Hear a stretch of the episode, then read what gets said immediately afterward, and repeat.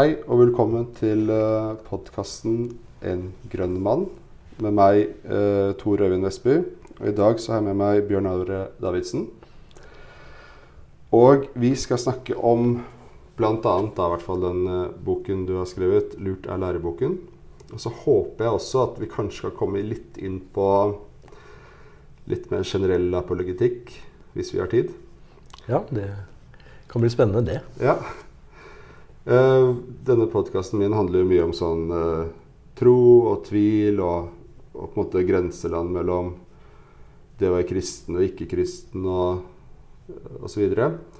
Men uh, kan ikke du begynne med å si litt om hvem du er, og det som pleier å spørre om, er hva, hva, slags, hva slags tro arvet du når du vokste opp?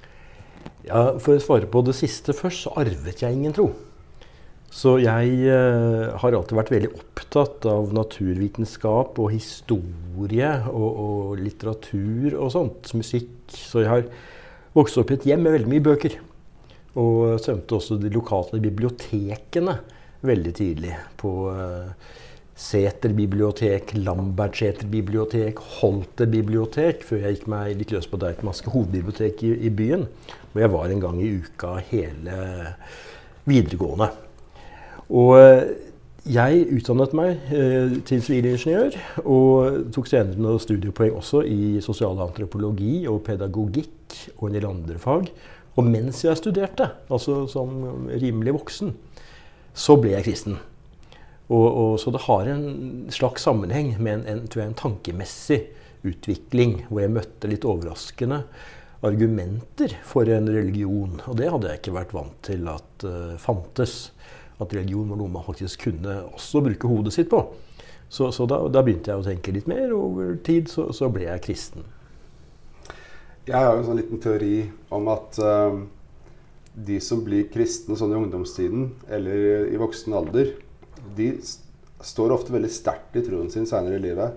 Det er litt sånn som de som har røyka, så slutter å røyke. Det er ofte de mest, mest uh, tydelige antirøykerne som finnes. Ja, Det er jo denne historien om denne nyomvendte katolikken som fikk audiens hos paven. Mm.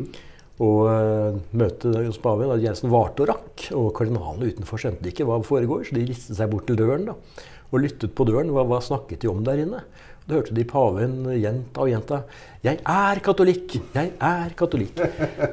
Så disse nyomvendte voksne de kan bli veldig ivrige. Ja. Det, det, kan inkludere litt meg selv der òg. Ja. ja, men så flott. Eh, vi har jo snakket litt eh, sammen eh, tidligere i år fordi jeg jobber jo som lærer i RLE på videregående. Og du har vært på besøk hos oss sammen med skolelaget i regi av det opplegget de har som de kaller Grillen kristen. Men du har jo også et engasjement for på en måte hva som skrives om kristendom, spesielt kanskje da, i lærebøker. Men også på en måte generell historiske feil, men da spesielt ting som på en måte har en slagside hvor kristendommen kanskje kommer ufordelaktig ut. Og det, det, er sånn jeg oppfatter det er det som er gjennomgangstematikken i denne boken, 'Lurt av læreboken'. Ja, og bakgrunnen for det er jo litt forskjellige forhold. Men eh, det var fordi jeg ble, ble, bedt om å lede et prosjekt med å lage en sånn bok. Uh, og det var fordi det kom en del sånne dere, bekymringsmeldinger fra foreldre som stusset over hvordan uh, kristen tro og historie ble presentert i, i en del læremidler. Og så ble jeg bedt om å se nærmere på dette. Og siden jeg hadde jobbet med sånne ting tidligere, så endte det med denne boken som, som spesielt tar opp det. Men som jeg så tror har en del generelle poenger som kan overføres på flere områder. Ja. Så som fra mitt eh, ståsted som lærer, så lider jeg jo alltid under det, føler jeg, at jeg har for lite tid alltid til uh, å gå i dybden. Det er jo litt Altså nå er det jo åpning for at man skal kunne gå mer i dybden, men likevel så føler man jo kanskje på at eh, ting er, har en tendens til å bli litt overfladisk. Eh, og da må man jo på en måte forenkle litt av og til. Og det er kanskje der i disse forenklingene at man av og til går i noen feller. Og eh, ja, og kanskje gjentar ting som uh, høres riktig ut, som kanskje ikke nødvendigvis er helt riktig. Ja, og jeg har jo, altså tittelen på boken er et litt sånn uh, enkelt ordspill. At det er disse forenklingene som jeg da uh, lurer på er, er dette lurt av læreboken å, å gjøre. Og, og, kan sånne forenklinger gjøre at man blir lurt av læreboken? Så unnskylder jeg da ordspillet i, i, i boken. Men poenget her er at det er et spørsmålstegn bak tittelen, og det er en dobbel betydning, eller dobbel bunn, i spørsmålet eh, med lurt av læreboken. Og jeg tror at det er nettopp denne både forenklings, eh, forenklingsbehovet og det at man lener seg på en del tidligere tradisjonelle feilframstillinger. Man altså ikke bruker tid, som du snakker om, og gå i dybden og undersøke hva hva sier dagens historikere, hva sier dagens forskere om disse temaene som er sentrale i en del historiefremstillinger i skolen? Mm. Det, er jo, det er jo noen temaer som du bruker en del uh, tid på her. Uh, uh, hekseprosessene er et sånt eksempel. utviklingen av på en måte moderne astronomi med Copernicus osv. Uh, var trodde alle at jorden var flat. Og så dette her da med opplysningstiden. Er, det, er, er på en måte opplysningstiden ateistenes seier over den eh, kristne overtroen og, og, det det, ikke sant? Og det, og det er kanskje sånne forenklinger eller eh, fordommer eller myter da, som du snakker om, som kanskje har satt seg litt for hardt. Ja, så Vi har jo en sånn, la oss kalle det en, rammefortelling. En slags sånn uh, mer faglig formulert metafortelling om vår, uh, den vestlige kultur, som har gått da fra på en måte antikkens lys via middelalderens uh, mørke til en gjenoppvekning i renessansen og opplysningstiden, hvor man da hentet tilbake igjen elementer fra antikken, og dette skapte vitenskap og demokrati og det moderne samfunn. Mm. Og denne rammefortellingen er eh, som en rammefortelling feil. Så er det også ikke dermed sagt at alt i den og alt man sier rundt den, er feil. Men det har vært veldig mye mer opp og ned og fram og tilbake. Og antikkens lys er ikke så sterkt og kraftig som man skulle tenke seg. Og middelalderens eh, såkalte mørke var ikke så mørkt som man skulle tenke seg. Og det som skjedde i opplysningstiden, var jo mye mer at man uh, Inspirert av den kristne historien de seneste da, 1500 år før, uh, endret på antikkens tenkning, slik at den passet til og skapte det moderne samfunn på grunn av denne kristne impulsen som eh, den ble sett i lys av, og ikke på tross av denne kristne impulsen. Og når jeg sier det, så er det ikke fordi at jeg liksom som kristensjåvinistisk uh, ivrig etter å overbevise paven eller andre om at katolisismen eller kristen tro er riktig, men fordi at dette er hva historikere stort sett eh, legger vekt på i dag, uansett livssyn. Så det er skrevet en, en serie bøker de seneste 10-15 årene som nettopp fokuserer på dette, også fra ateistisk eh, hold. Ja, vi skal se litt på dette med mørk middelalder først, da, det begrepet. Det er jo, som du sier, at uh, det var ikke alltid antikken som var så lyst. og det er jo det man trekker fram, er selvfølgelig på en måte disse glansbildene, eller i hvert fall idealene fra akademiet i Aten. ikke sant? Og, og, selvfølgelig også da romersk høyteknologi og Cicero og disse tenkerne. Men det er klart at for de aller fleste som levde i antikken, så var virkeligheten veldig annerledes. Og eh, antagelig så ble, ble, en del ting mye bedre utover i middelalderen for vanlige folk og bønder. Men eh, det jeg legger vekt på når jeg, hvis jeg skal snakke om mørk middelalder, så da trekker jeg fram den perioden i, i etter, rett etter for, altså kollapsen i Vesterromeriket fra, på 400-tallet, altså 400 til 600. At det var en periode, i hvert fall i vestlige deler av Romerike, med, med, mye ufred. Du hadde den nussisianske pesten. masse krig. Du hadde en tiårsperiode med veldig temperaturfall og dårlig eh, klima som følge av vulkanutbrudd. Så du hadde en del ting der som skjedde som gjorde at eh, samfunnet rett og slett kollapsa. Da. Og, og befolkningstallet sank veldig hardt. Jeg trekker fram, eh, jeg fram amfiteateret i Nim i Frankrike. Som da var, var, veldig stort, fordi at Nim var en veldig stor by i antikken. Og så på et tidspunkt så kollapset befolkningen til et punkt hvor hele NIM egentlig befestet seg da innenfor liksom, murene på amfiteatret. Og det var liksom en liten landsby. Det var alt som var igjen av NIM.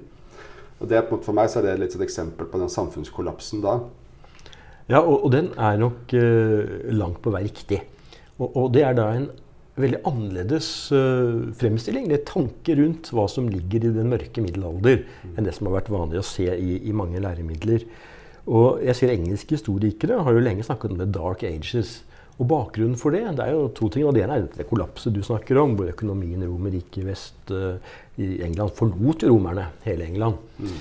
Uh, men det de snakker om mest, er at det mangler kilder.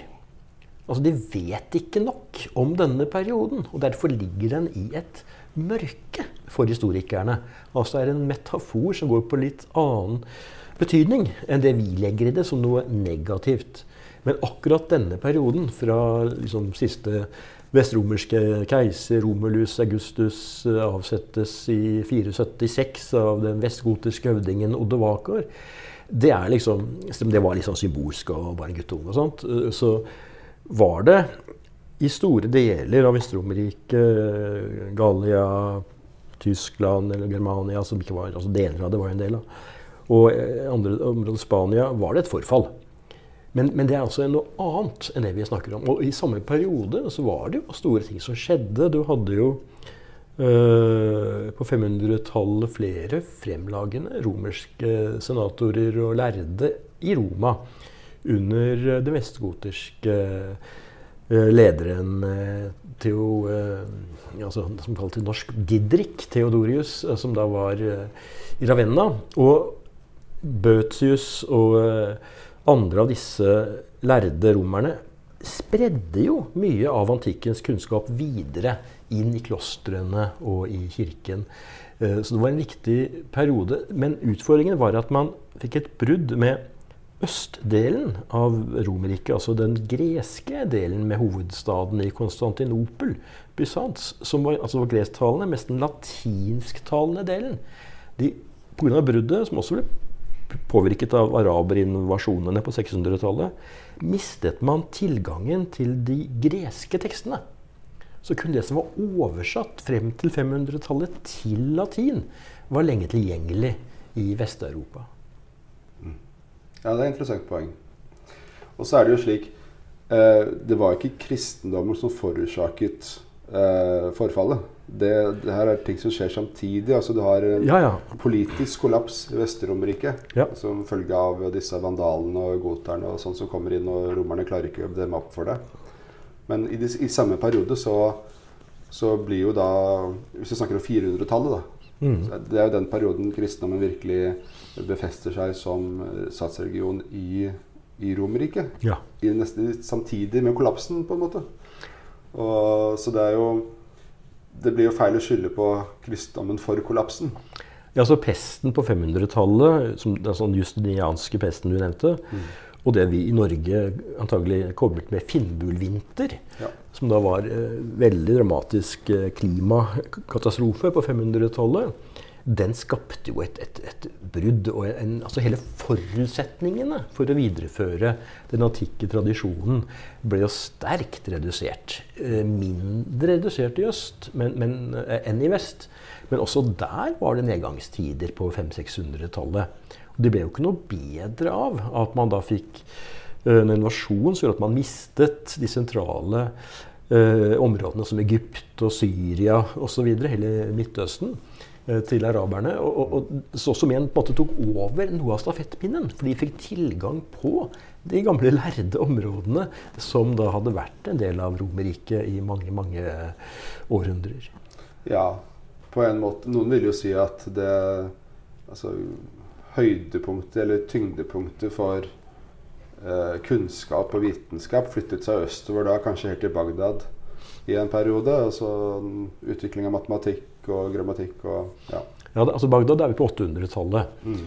Men før dette, altså i, i uh, deler av Syria, uh, Damaskus osv., så, videre, så hadde du den tidlige fasen av islam. Så var det jo på altså 600-700-tallet så var det jo her og altså Egypt at ting foregikk. Mayad-dynastiet. Ja. ja.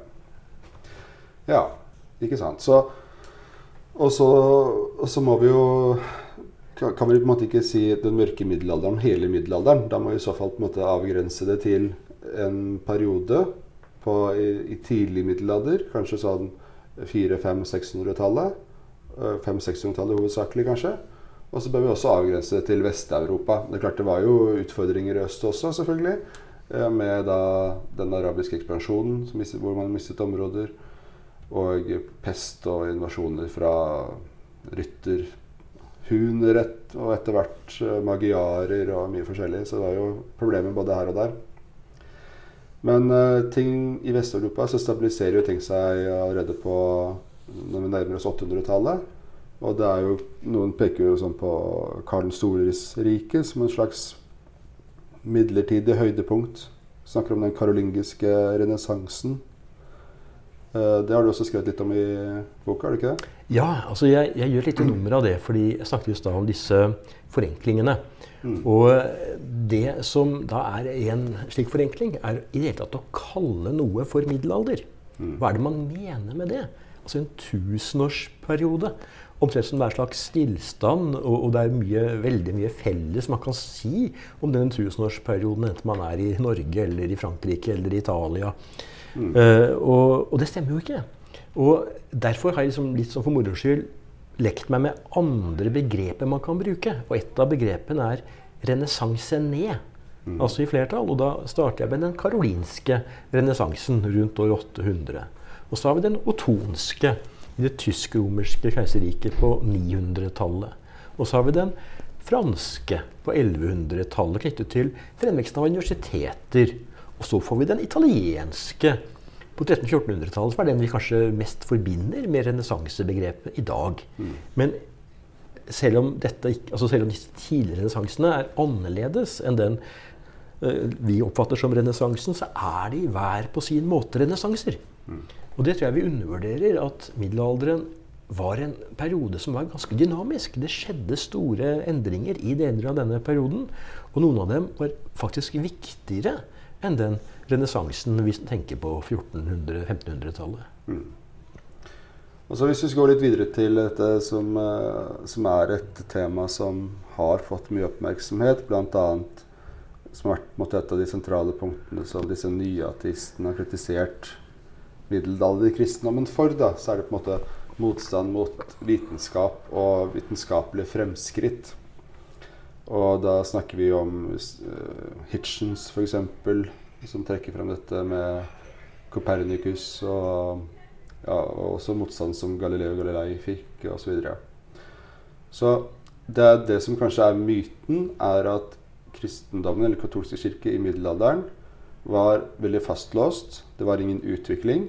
Alt, alt, alt man kunne vite noe om, fantes i Bibelen. Det er jo myten. det er ikke og, og alle på en måte forsøker å utfordre det verdensbildet. Og vi snakker jo om ulike sånn kosmologier her. Det som var litt sånn rådende i antikken, var det potolemeiske kosmologien.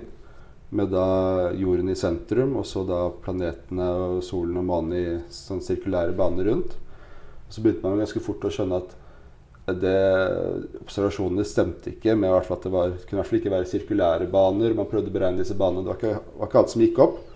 Og da Hvem var det som var først på banen til å prøve å utfordre det på ptolemaiske verdensbildet? Ja, det, det, var jo Kopernikus på 1500-tallet. Eh, men han holdt nok fortsatt fast på det sirkulære.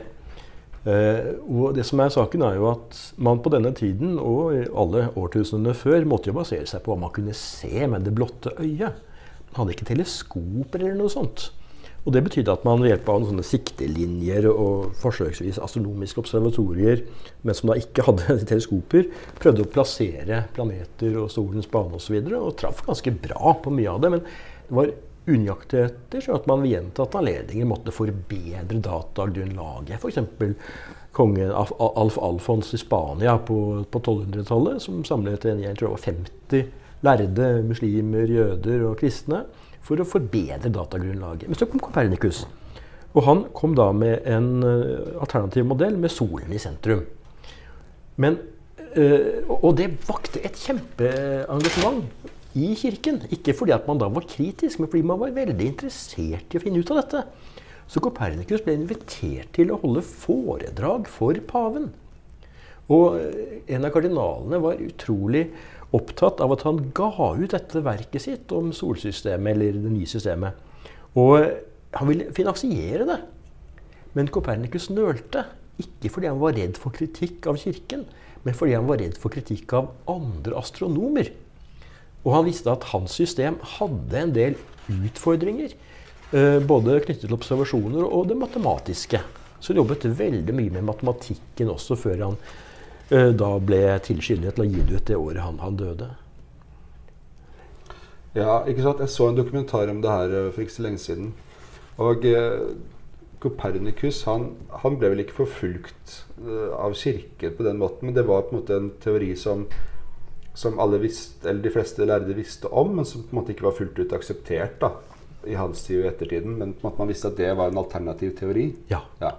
Men så hadde du han som faktisk ble drept. Hva het han igjen? Han, på, det er en som er drept som kan knyttes til dette, nemlig Bruno. Bruno, ja.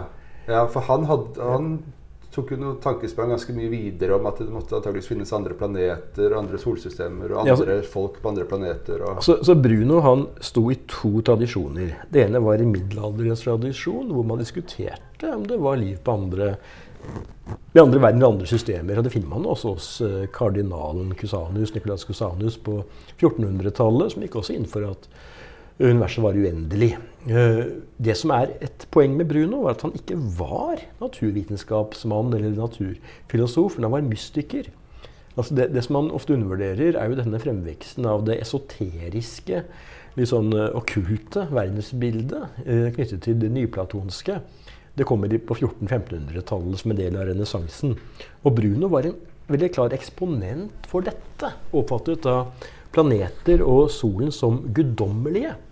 Og siden det guddommelige var uendelig, så måtte jo også da universet være uendelig. Og, og, disse solene måtte være guddommelige, og da måtte jo naturlig nok planetene kretse om disse.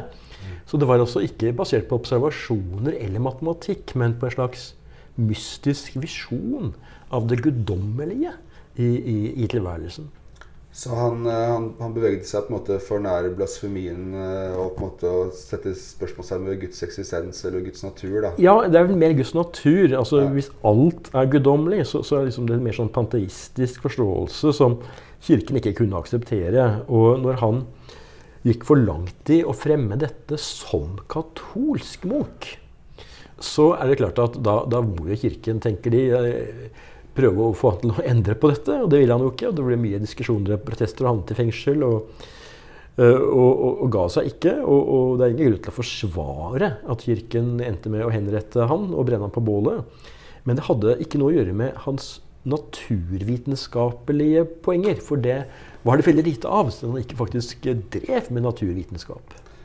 Så på en måte forsvaret for kristendommen her er på en måte dette her er ikke et argument for at kristendom forfølger, forfølger vitenskap og vitenskapelige teorier. Det her dreier seg på en måte mer om kirkens indremedisin. Ja, og den eh, var eh, på, i denne tiden eh, ganske drastisk ja. på, overfor en del personer. Og, og, og så Bruno ble jo en martyr. Men ikke for vitenskapen. Han ble en martyr for mer magien og det esoteriske. Ja. Men da må vi videre til Galileo Galilei, for han ble faktisk stilt, forresten. Ja, og altså Galilei var jo en veldig anerkjent eh, matematiker. Uh, som var uh, professor ved et universitet, og som hadde en litt i likhet med Bruno, da, en ganske sånn sterk personlighet. Uh, veldig sånn besserwisser. Som, som, var vant til å vinne diskusjoner fordi han kunne så mye. Var flink, altså. Råflink fyr. Og så var han samtidig ikke så glad i å la andre få ære for ting.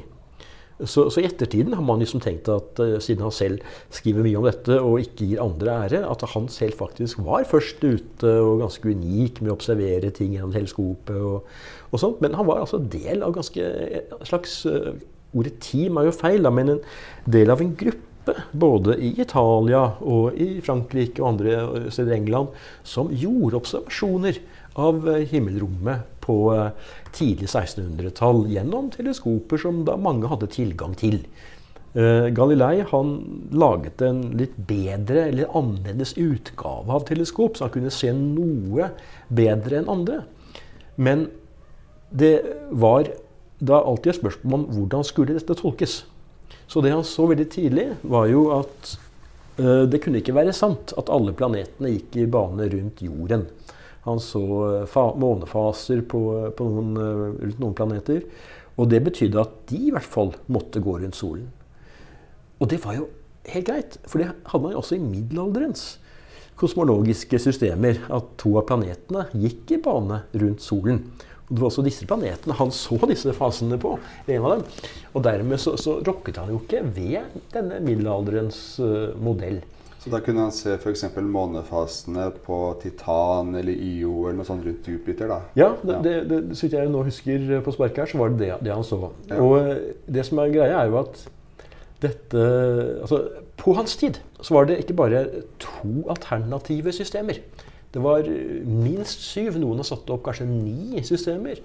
Med, med, jorden i sentrum, eller solen i sentrum, om jorden roterer om, om, eh, om, eh, noen av planetene går i bane rundt solen, mens solen går i bane rundt jorden. Eller om alle planetene, unntatt jorden, går i bane om solen, mens eh, solen går i bane om jorden. Eller om det går i sirkulære baner om jorden, eller i elliptiske baner. Altså det, det var mange konkurrerende modeller som det var såkalt underbestemt av observasjonene hvilken modell som faktisk var den riktige. Den som hadde mest støtte i starten av 1600-tallet, var jo uh, den modellen som den danske astronomen Tycho Brahe hadde laget. Nemlig en modell hvor planetene gikk i bane om solen, og solen gikk i bane om jorden. Mm. Såkalt uh, ja, Tycho Brahes modell. da. Men interessant nok så omtaler ikke Galilei denne i sin bok om uh, solsystemet. De, de, han tar bare med seg den modellen som faktisk var forkastet av de aller fleste. Nemlig denne gamle petnomaiske som du nevnte, med øh, jorden i, i, sentrum og solen og alle planetene, da, unntatt to kanskje, i bane om øh, jorden kun. Men øh, dermed begynte jo folk å lure på hva, hva er det Galilei driver med her. og viktigere enn det kanskje var at han brukte argumenter for sitt system som folk ikke eh, kunne tro at han, han mente alvor med, sånn som at tidevannet viste at jorden beveget seg eh, da rundt uh, solen. Mens uh, paven og andre står frampå om at men er ikke tidevannet et resultat av månen? Og, og, og, det hadde jo paven rett i. Mm. Men Galilei sto på sitt, og, og alt dette gjorde at han, han, han mistet litt sånn troverdighet og respekt. For det er månen og solen sammen? Ja, ja altså Tidevannet? Ja, tidevannet var ikke et resultat av at jorden beveget seg, men av andre ja. himmellegemers uh, påvirkning ja. på, på, på, havene. Mm. Og så, så, det at, at um, han da kom med såkalte bevis som var feil, og sto på at jorden beveget seg i sirkelbaner om solen, eh, gjorde at ting stemte ikke helt godt med observasjonene. Og så hadde jo allerede Kepler flere år før Galilei vist, eller iallfall argumentert veldig godt for, at uh, det var sånne elliptiske, altså avlange baner om uh, solen. Mm. Men Galilei, som vi vet hadde lest Kepler, nevner jo ikke Keplers modell.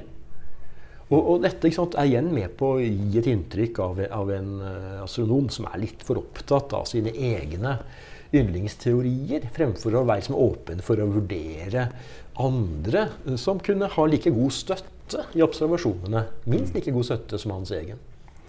Men nå, er du jo på en måte, nå taler du litt sånn som Kirkens advokat da, liksom i denne situasjonen her. Altså det, det, ble vel en situasjon hvor Galileo og Galilei kom i konflikt med, med Kirken. Og Nå husker jeg ikke alle detaljene, men det, det ble en rettssak. Og det var vel noen kompromisser han ikke ville gå med på, og så ble han da dømt. Ja, altså saken var den at han hadde jo lov til å fremme Copernicus' eh, modell som en hypotese. Mm. Som en, en regnemodell man kunne bruke til å lage kalendere og andre ting som var viktige for kirken. Men han fikk ikke lov til å fremme den som sannhet.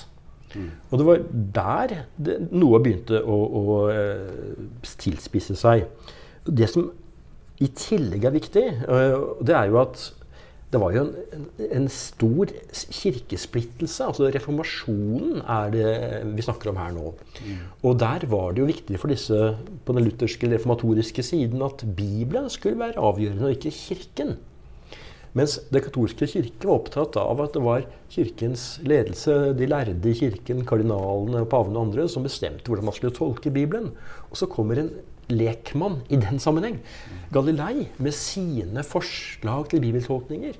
Og det blir oppfattet altfor mye som protestantisme. Da får han også, eh, mister han mye av den godviljen som kirken har vist han fram til ca. 1615. Og så blir han bedt av etter hvert, eller får lov etter hvert å skrive denne dialogen om de to store verdenssystemene, som altså er det gamle greske med jorden i sentrum, og hans modell, Copernicus' modell, med solen i sentrum. Uh, og da er poenget at han skal liksom argumentere og vise hvilken modell som er best. Og da går jo paven og de andre ut fra at han i så fall ikke vil vise at hans modell er bevist, da, hvis han ikke har bevis. Men han ender opp med å være altfor påståelig på, på, sin modell, som ikke er bevist, og hevder at den er bevist. Og summen av slike forhold gjorde at man da under uh, motreformasjonen, og vi er nå kommet inn i 30-årskrigen, som begynner 1618.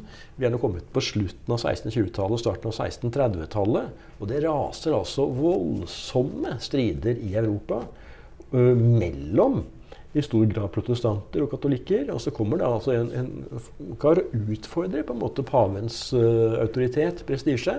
Og da må de, tenker de, litt bak kulissene, på en eller annen måte statuere et eksempel.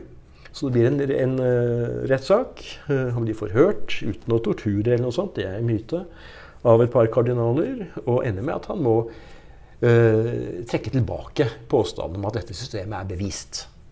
Og, og lover ikke lenger å fremme det som bevist. Mm. Og Så blir han da dømt. Og dette er altså samme kirke som dømte denne Bruno til døden. Brennes på bålet i år 1600. 30 år senere så dømmer de altså denne Galilei til husarrest. Og han er nå rundt 70 år og er ikke i stand til å reise så mye. Så han får da plassert på sitt gods med vinkjeller og tjener og kan få besøk av leger og alt mulig rart. Så mer et klask på lanken? Det er, det er, det er et statuerende eksempel. Ja. Uh, hvordan gjøre dette så kirken kan liksom få vise at de har autoritet. da. Mm. Og så er ikke mitt poeng nå å være sånn forsvarer av kirken. Men greia her er at dette er viktig for å skjønne astronomihistorien. Mm. For der er det ofte denne misforståelsen at Galilei var viktig for astronomihistorien. Nei, den som var viktig, var i stor grad Kopernikus, Og så er det Kepler. Og så er det Newton. Mens Galilei er på en måte en litt sånn parentes, en uheldig parentes. Så dessverre tilspisset en diskusjon uten å bringe den videre. Det er litt interessant, da, fordi når, hvis vi går på et fysikkrom på denne skolen, eksempel, så man en, ser man en stor plakat av Galilei Galilei, hvor han da blir jo da hyllet som en av på en måte moderne vitenskapens grunnleggere. da. Og, og slik forstår jeg at det er mange også som tenker om han eh, innenfor flere disipliner i dag. Eh, Philip Goff, som er en filosof som jeg liker godt, han har skrevet en bok som heter Det er jo litt sånn på siden, men kanskje komme tilbake til det. Om, eh, om bevissthet og, pan, og panpsykisme, som heter Galileos error. Galileos eh, feiltagelse, da hvor han uh, skriver om at uh, i det på en måte Galileo Galilei grunnla den moderne vitenskapen, så var, så var det utelot han bevissthet, da, som på en måte Og det, det, gjør at vi i dag fortsatt har dette mind-body problem, mener Philip Goff. Ja, Men poenget her er jo på en måte at han har, blir jo liksom tilkjent en slags ære som moderne vitenskapens far, da, kanskje sammen med Newton. Ja, altså Galilei jobbet jo på flere områder. Ja. Og det jeg snakket om nå, var astronomien. Ja. Så innenfor mekanikk, bevegelseslære osv., så, videre, mm. så hadde han en helt annen og mye større betydning. Selv om han ikke var så unik og alene i samtiden som mange vil ha det til. Men hans altså eksperimenter, da, eller muligens tankeeksperimenter, om å slippe to gjenstander med forskjellig eh, størrelse og tyngde ned fra dette skjeve tårnet i Pisa, eller hvor det skal ha vært, mm. uh, hvor han da viste at Aristoteles' gamle modell om at, at uh, legemer falt med forskjellig hastighet, uh, uansett uh, hvor, hvor, nei, altså, avhengig av hvor tunge de var. Ja. Men, mens han viser her at de, de faller med, med, samme hastighet fordi akselerasjonen osv. er lik, påvirker dem lik. da, Hvis det ikke er noen friksjon som stopper dem. Det er mulig en fjær selvfølgelig blåser litt bort og faller annerledes enn en mm. kanonkule.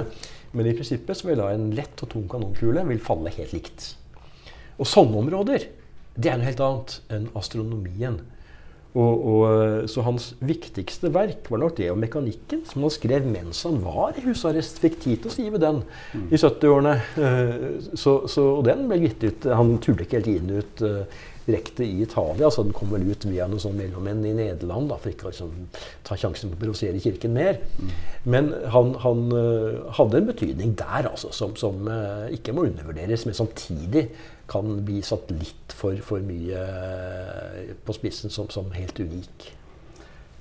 Men hovedpoenget ditt da, i, i, med denne historien opp mot uh, lærebøkene, norsk skole, uh, det er vel at du mener at uh, eksempelet Galilei Galilei fremstilles på en feil måte, eller den historien fremstilles på en feil måte? Ja, man lager det til en veldig sånn svart-hvitt-fremstilling av denne slemme, uvitende, vitenskapsfiendtlige kirken som da prøver å stanse en uh, veldig vitenskapsorientert, uh, kun dataorientert, uh, empiriorientert forsker som nesten litt uhildet prøver å sette sammen nytt, en ny modell av, av universet. Mens altså kirken den støttet seg til samtidens astronomer. De fleste hadde allerede gått på universitet, altså, altså av kirkens lærde, kardinalene og andre, og hadde da lært seg astronomi. Og de eh, var, alle var kanskje ikke like flinke, men det er et uh, faktum at veldig, veldig få av samtidens astronomer støttet Galilei. Og én grunn var jo at hans system var motbevisst. Og det er noe som sjelden kom fram i læremidler, nemlig at hvis det er slik at solen er sentrum, og jordkloden beveger seg i en bane, stor bane rundt solen, så vil man kunne se, observere stjernene i bakgrunnen forskjellig. Man er på den ene siden av solen kontra den andre siden av solen, altså på sommer og vinter. Men man hadde så ikke noen forskjell. Altså, og dette gjorde at Ja vel, hvordan kunne man ikke se det, da? Hvis det var slik at jo, så måtte Galilei hadde hypotese om at solsystemet var utrolig mye større enn det man hadde trodd. Og det hadde han rett i. Men i hans samtid ble dette en sånn adhoc-teori som, som, ikke hadde noen form for støtte annet enn hvis Galileis modell var riktig. Så det ble da en slags eh, sirkelforklaring. At, å, at hvis modellen var riktig, måtte universet være så stort. Hvordan kunne vi vite at universet var så stort? Jo, fordi hans modell da var riktig. Mm. Og En rekke slike forhold gjorde at astronomene nølte veldig. Og Tycho Brahes modell passet mye bedre. Ja, ja ikke sant. Og så må vi også huske på feil knytter Galileo Galilei til middelalderen. Hvis man drar det forenklingen, da, da, da er vi jo ute av middelalderen. Vi er jo inne i nytiden eller tidlig moderne tid, eller hva man skal betrakte det som. Ja, og jeg tror Det er et også undervurdert poeng som lærebøkene kanskje ikke trekker like godt fram som jeg mener de bør. Nemlig at disse renessansene som jeg nevnte i alternativ betegnelse på middelalderen mm. Det som skjedde på 1100-1200-tallet knyttet til fremveksten av universitetene, det var jo nettopp det naturvitenskapet i antikkens Aristoteles og andre tenkere fra antikken som ble løftet fram, inkludert deres naturvitenskapelige eller naturfilosofiske uh, sider. Mm. Og Det som skjedde på 1400-1500-tallet, var mye mer en sånn uh, litterær, humanistisk uh, kunstnerrenessanse. Ja. Som hadde helt andre anliggender enn det som hadde vært i, i, på 1100-1200-tallet. Ja, For myten er jo at først liksom i Nord-Italia på 1400-tallet, eller 1300-tallet, 1400-tallet, så gjenoppdaget man plutselig Platon og Aristoteles. Men det, det er jo ikke riktig. altså Platon ble jo diskutert hele veien. Ja. Eh, når levde Thomas Aquinas igjen?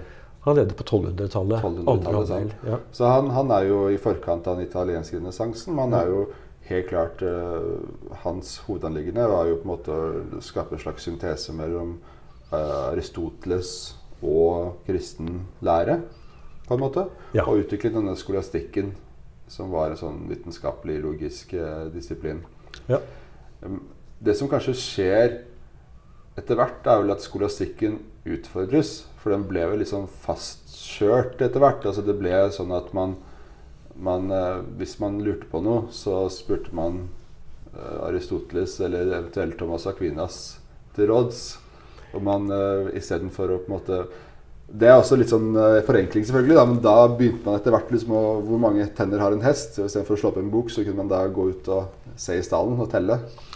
Ja, akkurat. Det er, jo for en myte med at man ikke, ikke telte tennene på hesten i middelalderen. Nei, Men, det er sånn men, men, men poenget ditt ja. er, det er et poeng at man eh, hadde lettere for å lese og lete disse store, store lærde verkene fra antikken. Mm. Og når jeg sier store, så er det altså Vi snakker om verk på tusener av sider. Mm. Så det er ikke rart at dette var en overveldende kunnskapskilde. Og så begynte man jo å utfordre noen disse her fantes det vesener som, kunne hoppe, som hadde store bein, hoppet rundt på brukte som paraply og vesener med hodet på maven osv. Mm. Og som Plinius skrev om i sitt store lærde leksika, eh, leksikon. Og man kunne ikke finne Man var ute og reiste i India, Afrika andre steder og spurte lokalbefolkningen eh, Nei, de hadde ikke sett noen sånne vesener. Så de begynte jo å skjønne det at disse antikke kildene kanskje ikke var like etterrettelige overalt. Men det var en kjempejobb å etterprøve dem. Og det gjennombruddet for det kom jo, mener jeg, med boktrykkerkunsten. Man mye lettere kunne spre kunnskap og etterprøve kunnskap og spre det man hadde etterprøvd. Og også gjengi gode illustrasjoner, sånn som anatomiske, sånn som Vesalius gjorde på 1500-tallet. Man kunne få veldig mye mer nøyaktige beskrivelser av kroppen takket være boktrykkerkunsten. Slapp liksom disse munkene i mørke klostre og sitte og tegne, prøve å tegne av etter egen amatørevne. Ja. Hvordan det hadde vært. ikke sant? Og alle ville tegne forskjellig, men med boktrykkerkunsten så ble det likt og presist, og man kunne etterprøve det. Ja. Så eh, ikke sant? Det handler jo om på en måte, detaljnivået når man skal formidle ting. Og hvor, hvor dypt kan man gå, og, og hvilke forenklinger skal man tillate seg? ikke sant? Ja. Og hvilke, hvilke forenklinger er greie nok, og hvilke forenklinger er det som faktisk gir et feil inntrykk? Ja, altså jeg, jeg tenker at når man forenkler, så bør man i hvert fall minimum si at man forenkler. Og så kan man kanskje legge fram en to-tre alternative fremstillinger. Det er noe av det jeg prøver å gjøre i denne Lurt av læreboken. Mm. Hvor jeg gir disse epokene ulike navn som gir forskjellige assosiasjoner. Eh, og hvor jeg sant, legger vekt på renessansene istedenfor middelalderen. Eller jeg legger vekt på teknologien. Og da, Istedenfor å kalle det for renessansen, kalle det for boktrykkerperioden. Altså at du, du har helt forskjellige tanker i bakhodet ditt avhengig av hva du kaller perioder. Og så er jo da spørsmålet er det riktig å snakke om en konflikt eller en, en spenning som har stor, stor betydning i det idémessige mellom kirken og vitenskapen, når det tvert imot i veldig stor grad i store deler av perioden var kirken som støttet fremveksten av naturfilosofien ved universitetene. Også Copernicus var jo ansatt i kirken. Galilei var jo sponset av kirken osv. Var god venn av paven før han klarte å fornærme ham. Men, men dette er jo poenger som dessverre ikke er med, så vidt jeg har sett, i så veldig mange læremidler. Og dermed, når man forenkler, så er det Altså, man er jo nødt til det. Men det må være obs på hva blir det i- etterlatte inntrykket hos elevene av forenklingen. Og hvis du forenkler på en måte som snur den store fortellingen uh, i feil retning, altså den reelle fortellingen i feil retning, så, så er det ikke, ikke, det er ikke noe for, forbilde, mener jeg, for en lærebok eller lærer å gjøre det. Hvis vi, vi rekker ikke gå gjennom alle temaene som du tar opp i boken, men hvis jeg kan spørre deg, utfordre deg litt liksom på Er det noe med disse lærebokforfatterne som, eh, som gjør at de har, en, har de en agenda, tenker du? Eller er de ikke flinke nok? Hva er problemet? Så jeg, jeg, jeg har ikke noe tro på at det er noen stor uh, agenda der ute. Og så er det selvfølgelig varierer det jo hvor flinke lærebokforfattere er. Og det varierer med barneskole, ungdomsskole og videregående. og En del av lærebøkene imponerer meg Men jeg bare sier på hvor flinke folk faktisk er til å legge fram ting. Og det er jo veldig mye ting å holde styr på uansett. Det skriver du også i boken. Ja da, ja, Så, så uh, jeg vil på ingen måte si noe sånn generelt om lærebokforfattere. Men på noen områder så er det, mener jeg, noen sånne blindfelter. Mm. Og noen uh, mer sånn uh, det jeg ofte kaller for faktoider. Da. Ting som høres ut som fakta, men som ikke er det. Som har satt seg i bakhodet. Er det marxist-leninistene, det her? Altså, Noe av dette henger vel sammen med en slags regionskritikk fra 100, 150 år siden, mm -hmm. som har, har satt seg.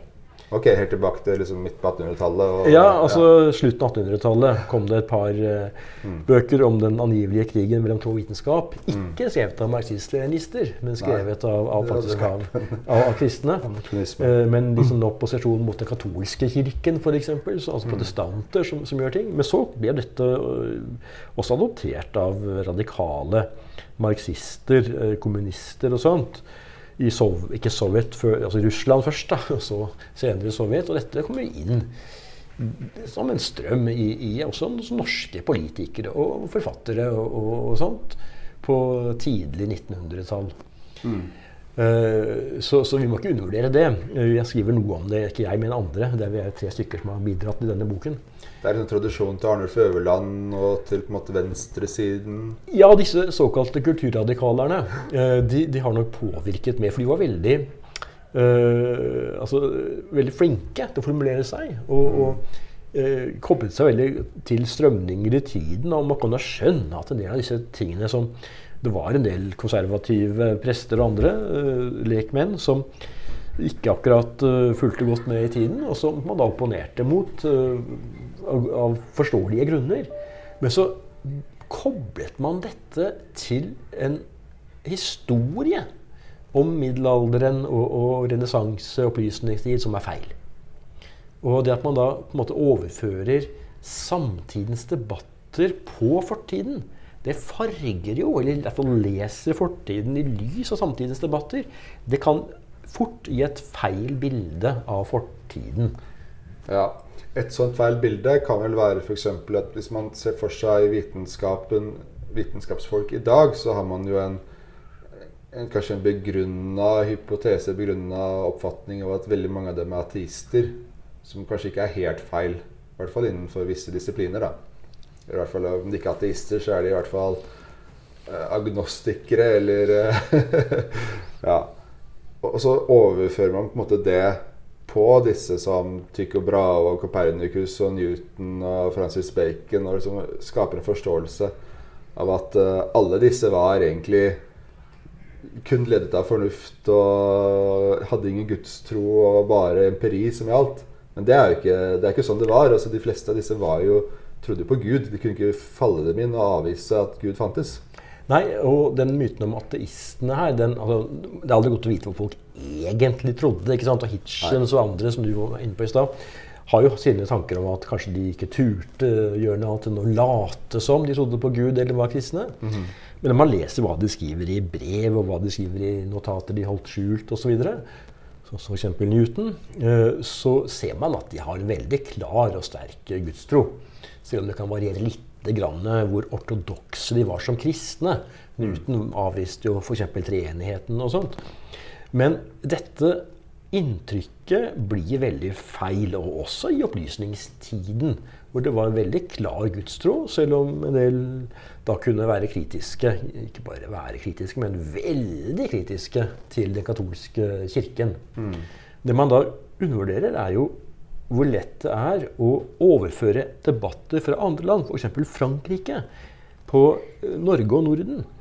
Altså, i, I Norge så var det jo de norske biskopene som i veldig stor grad på 1700-tallet innførte opplysningstiden på det naturvitenskapelige, sånn som uh, han som grunnla da Det norske vitenskapers selskap, nemlig biskop Gunerius i, i Trondheim.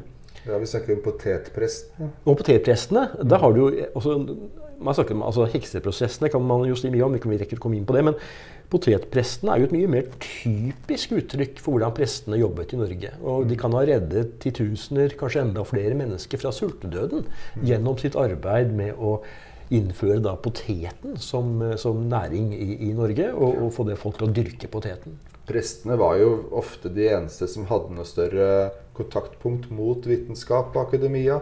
Det var de som hadde vært i København og fått utdanning på universitetet der.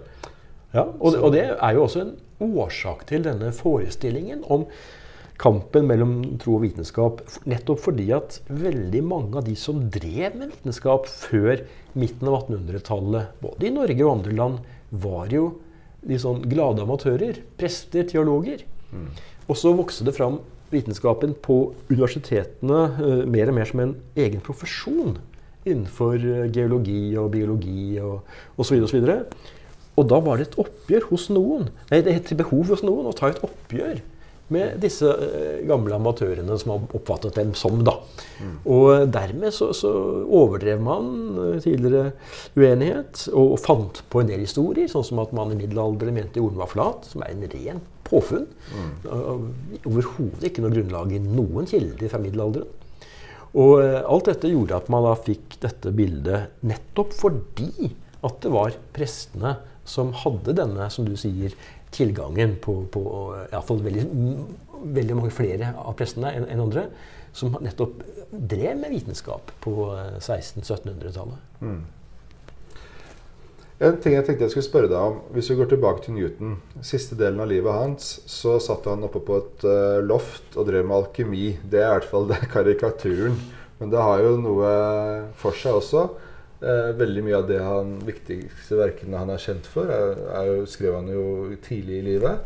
Mens han produserte ikke noe særlig vitenskap. Han levde jo lenge, men produserte ikke noe særlig sånn gjennomslags, vitenskap og gjennomslagskraft senere i livet. Da var det alkemi egentlig han bedrev. Og alkymien, det er det som er på en måte lekoppfatningen. Eller over på overflaten så handler det det om å forsøke å lage gull. Mens eh, hvis vi skal forstå på en måte hvorfor folk som Newton og andre lærde folk brukte så mye tid på dette med alkymi, så må vi kanskje mer inn i mystikken for å finne en mer rasjonell forklaring. Og at kanskje dette her med å prøve å lage gull egentlig er en mer metafor egentlig for en slags form for spirituell, eh, åndelig eh, søken. Ja, det er en slags, det? Det, det, I utgangspunktet er det jo i så grad det å foredle menneskesinnet, foredle ånden. Mm. Uh, løfte ånden opp over det materielle. Men vi må jo nok ikke helt undervurdere at de ble finansiert i stor grad av konger og fyrster som av en eller annen grunn hadde ønske om at noen kunne lage gull for dem. Mm. Så, så, de spilte jo på det. Og de prøvde jo med ulike kjemiske varianter å få ting til å bli gull, eller se ut som gull.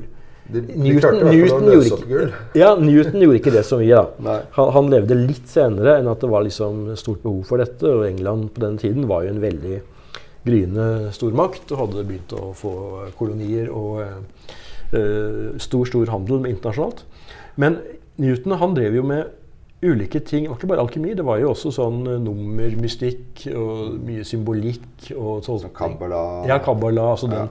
den mer esoteriske, denne uh, dels jødisk middelaldertradisjonen, dels den som vokste fram som med kristne impulser også, og nyplatonske i renessansen, mm. som da Newton hengte seg på og brukte veldig mye mer tid på. enn en, Han hadde jo kommet så langt som han nesten kunne komme med, innenfor altså på hans tid, da, innenfor litt med bevegelseslover og, og det hele, hele det man kaller for newtonsk fysikk.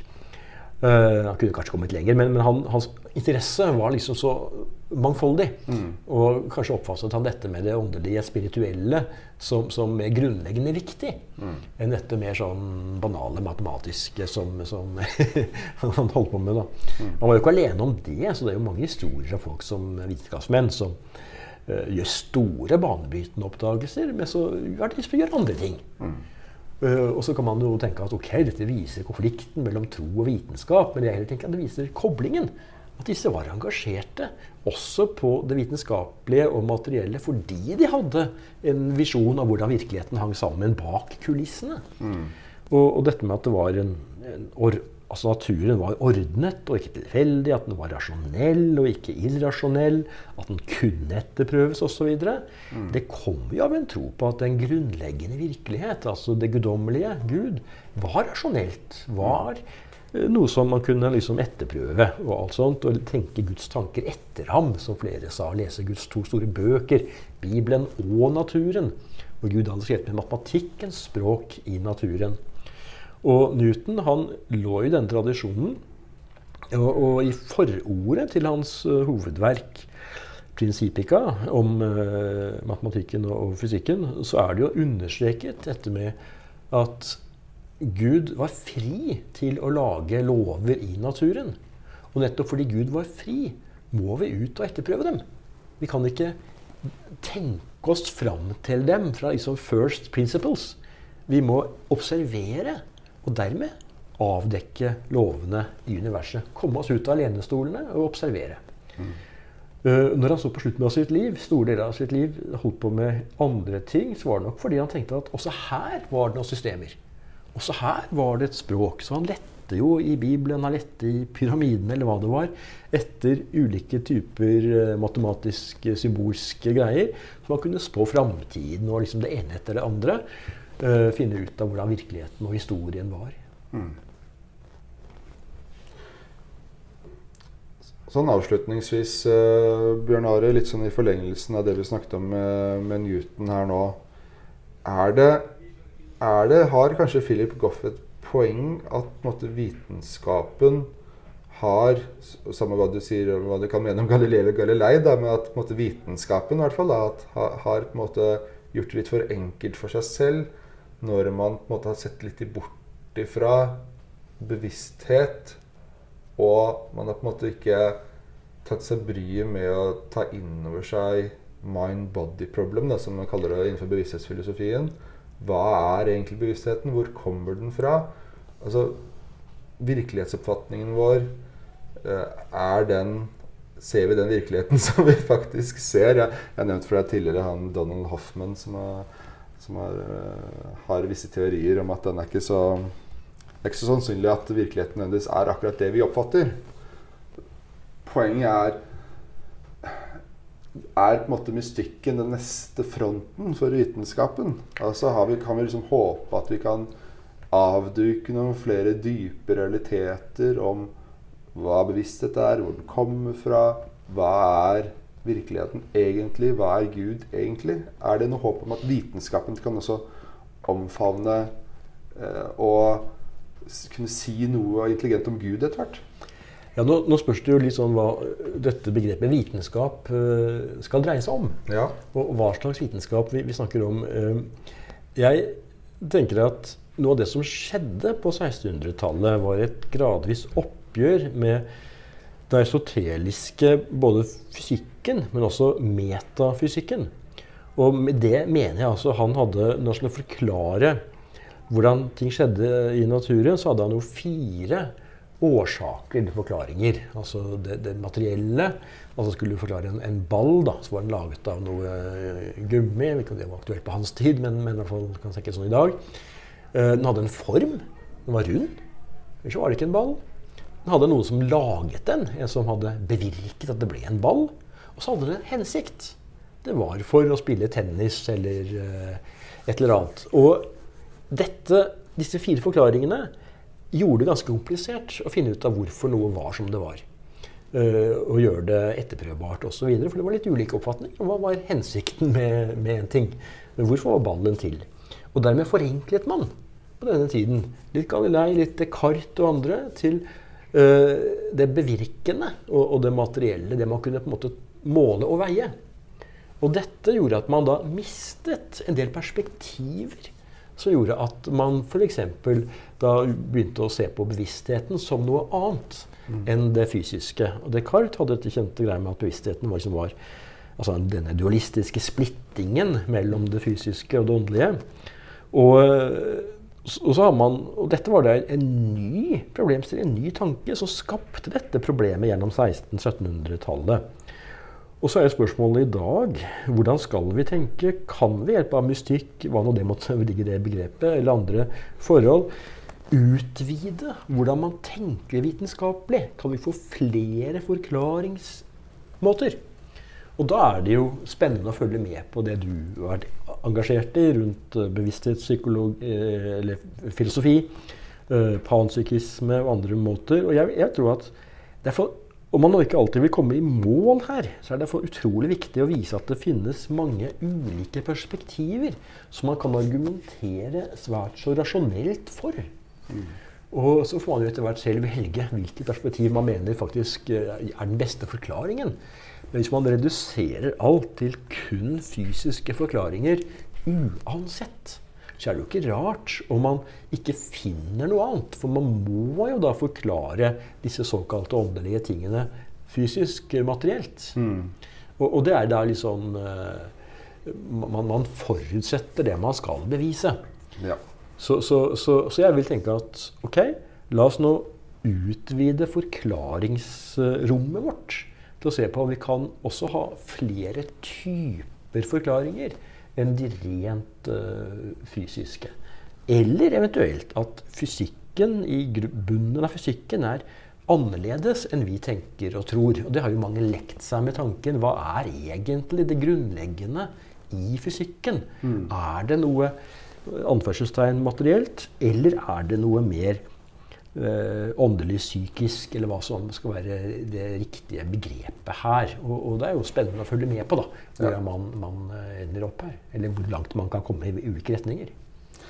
Ja, det er mye som jeg tror det blir eh, interessant å forfølge videre. Og det skjer jo noe forskning altså Det er bl.a. dette med nær døden-opplevelser, som er veldig interessant. Hvor veldig mange har sammenfallende historier på mange måter. og og det er så mye av det at det er liksom vanskelig å på en måte avfeie. Men der setter jo på en måte dagens vitenskapelige paradigme som en slags uh, grenseposter. Og sier at nei, det, altså, det er, når man er død, er man død. Så hvis man da mener å ha liksom sett eller hørt eller vært et annet sted, så er det på en måte hallusinasjoner eller så det, noe annet, det fins ikke noen andre forklaringsmodeller. Ja, Du må etterprøve dette. Altså, ja. det, og det er utfordringen. at Enten kan du jo stole på det folk sier, prøve å sammenfatte mm. beskrivelser til et eller annet felles. Eller så må, kan du i tillegg til det da, sette opp noen tester. Altså Folk svever ut av kroppen, sier de, de ligger for døden. Ok, ja. Men kan du lage noen hemmelige greier i taket eller bak et skap eller lyspære? Ja, så folk kan se etter, og hvis de kan fortelle riktig, så har de faktisk vært ute av kroppen. Og, og så langt har man jo ikke fått til det. Nei da. Og det samme, det, det, er også interessant, men, men, likevel da, så er det nok eh, tenker jeg det er grunn til liksom, å se på det nøyere. da. Og det, det har jo vært litt sånn tabu, rett og slett. Det er litt sånn berøringsangst for det.